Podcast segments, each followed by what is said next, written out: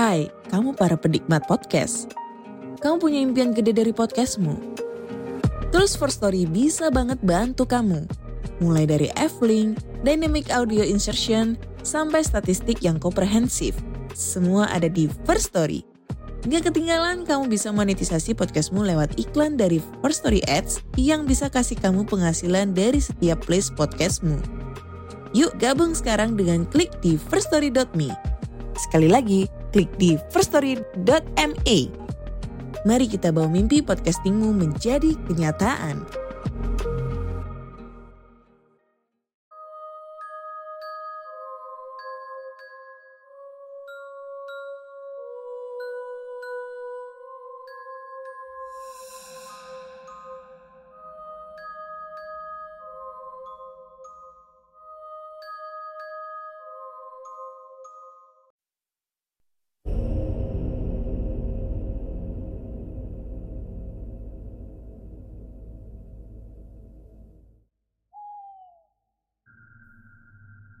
Assalamualaikum warahmatullahi wabarakatuh. Halo semuanya Jumpa lagi dengan saya Chow Sing Sing Kurator dari Podcast Horror Net Story. Halo apa kabar semuanya? Semoga kalian semua sehat-sehat ya.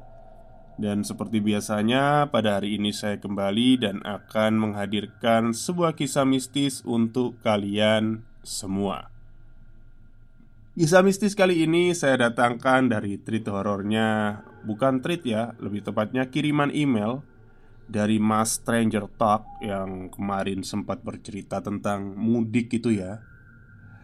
Jadi ini adalah cerita kedua dari Mas Stranger Talk lewat email. Bagi yang mau kirim cerita silakan seperti Mas Stranger Talk ini ya. Lewat email bisa, DM di Instagram saya juga bisa Oke, daripada kita berlama-lama, mari kita simak ceritanya. Selamat malam Mr. Chow Sing Sing Terima kasih sudah membacakan cerita dari saya Stranger Talk dengan tema mudik kemarin Pada kesempatan kali ini saya akan kembali bercerita tentang rumah nenek saya yang juga memiliki lumayan banyak cerita misteri di dalamnya Seiring keluarga besar kami mudik ke sana. Sebelumnya akan saya jelaskan dulu kondisi rumah nenek saya ini. Beliau ini tinggal di perumahan rakyat yang notabene adalah perumahan tua di tengah kota Pati. Nenekku penghuni tertua yang masih hidup di perumahan itu dengan usia yang sekarang 93 tahun. Seperti orang yang sudah berumur pada umumnya, Beliau juga sangat menyukai kucing dan memelihara banyak sekali kucing di rumahnya. Tepat di belakang rumah nenek ada sebuah gedung peninggalan Belanda yang sampai sekarang masih berdiri kokoh dan dialihfungsikan sebagai gedung pemerintahan. Konon, di tempat itu dulu para PKI diculik dan dibunuh. Nenek saksi hidupnya mereka ditembak, lalu mayatnya dibuang di kolam yang berada di depan gedung tersebut, sehingga sampai sekarang aura mistisnya masih sangat terasa. Dan sesekali, jika kalian beruntung, akan melihat ikan yang hanya tinggal tulangnya saja berenang di dalam kolam itu, entah malam ataupun siang hari. Dan para arwah TKI itu, PKI ya maksudnya, arwah PKI itu juga diikat di pohon lalu ditembaki Sehingga jika dilihat dengan teliti Di pohon masih sering ada peluru yang tertancap di pohon-pohon besar yang tersebar di sekeliling bangunan tua itu. Dengan lokasi rumah nenek yang berdempetan dengan dinding pagar besar bangunan yang memiliki latar cerita kelam tersebut Tentunya aura mistisnya juga menyebar ke rumah nenek saya. Kejadian aneh yang pertama Pernah ada suatu hari saat momen lebaran di malam hari pasti ya. Kami semua berkumpul menghabiskan malam dengan sekedar ngobrol dan menyantap makanan di teras rumah nenek. Tapi saat tengah asyik ngobrol ada suara keras Biur dari arah kamar mandi. Seperti ada sesuatu yang terjebur di bak mandi dengan cara melompat dari atas. Pokoknya dengan cara dilempar lah.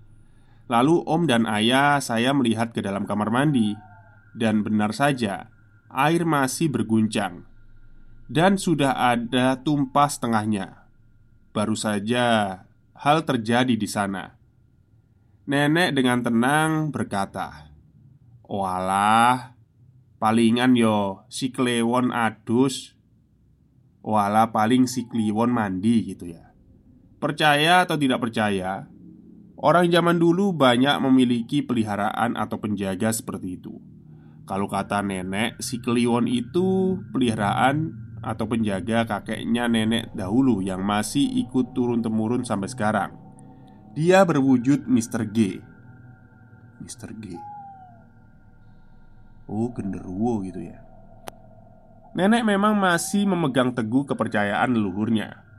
Seperti Salah satu contohnya pernah pada suatu malam saya terbangun dan hendak ke kamar mandi Sekitar pukul 12 atau jam satuan malam lah ya Dalam perjalanan ke kamar mandi Saya melihat nenek tanpa menggunakan pakaian apa pun Berdiri di samping sumur yang masih berada dalam lingkungan rumah nenek Dengan mendongakkan kepalanya menghadap ke bulan dengan rambut terurai dan dewasa ini saya baru berani bertanya kepada nenek perihal kejadian itu. Ya, itu untuk awet muda dan panjang umur. Jawab nenek saya singkat. Untuk diketahui nenek saya meskipun usianya 93 tahun Beliau ini masih sehat dan bugar Giginya juga masih banyak yang utuh Hingga tidak perlu memilih-milih makanan Kejadian yang kedua Dulu di rumah nenek ada banyak boneka dan juga ada jam dinding kuno yang berdentangan keras ketika jam menunjukkan waktu pergantian setiap jamnya. Dulu waktu kecil sempat uh, kukira nenek cuma menakutiku dengan sepupu-sepupuku yang seumuran denganku. Ketika nenek bercerita jika jam 2 malam biasanya boneka-boneka nenek akan bergerak dan berjalan sendiri.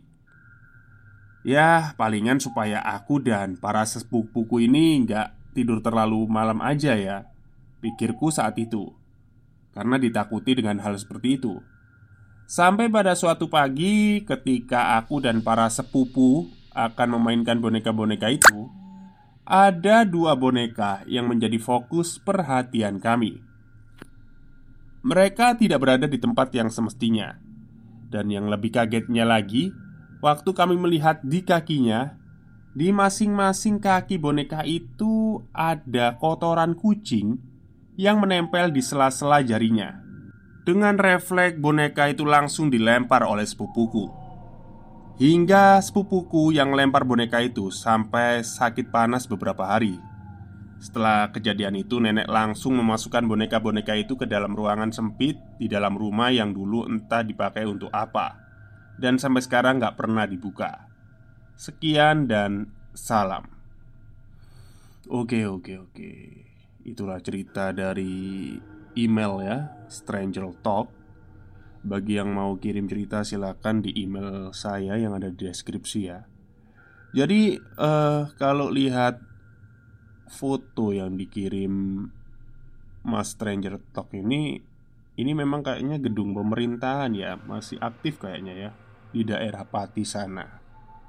Mungkin yang daerah Jawa Tengah atau daerah Pati sekitarnya tahu ya eh, gedung atau yang dimaksud dalam cerita ini gitu.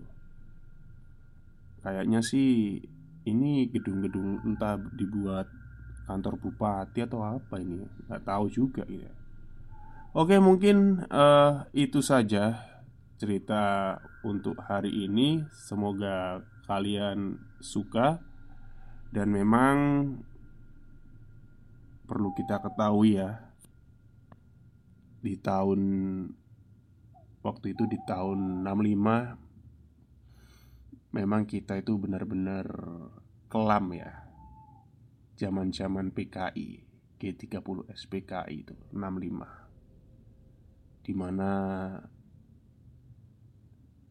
Orang kita dibantai pada akhirnya kita bisa membalas lewat ABRI ya. Dulu saya ingat sekali Sungai Sungai pinggir rumah saya ini Katanya ini cerita. Dulu itu bekas pembantaian PKI Jadi waktu Waktu itu ibu saya itu masih kecil gitu ya. Masih kecil sekali. Itu katanya sungai itu nggak pernah yang namanya uh, bersih, selalu ada darah. Dan dulu kakek saya juga orang yang bagian nangkap-nangkap PKI-PKI itu. Jadi kayak ketika udah ketangkep sama orang-orang itu disembelih, digorok. Kepalanya dibuang langsung ke sungai, badannya dibuang langsung ke sungai. Bahkan dulu waktu SMP itu saya ingat betul ya Jadi sekolah saya waktu itu perluasan Kebetulan belakang sekolah itu eh, sebuah Bukan sawah ya bisa dibilang itu kayak Sungai tapi sungai kecil got gitu.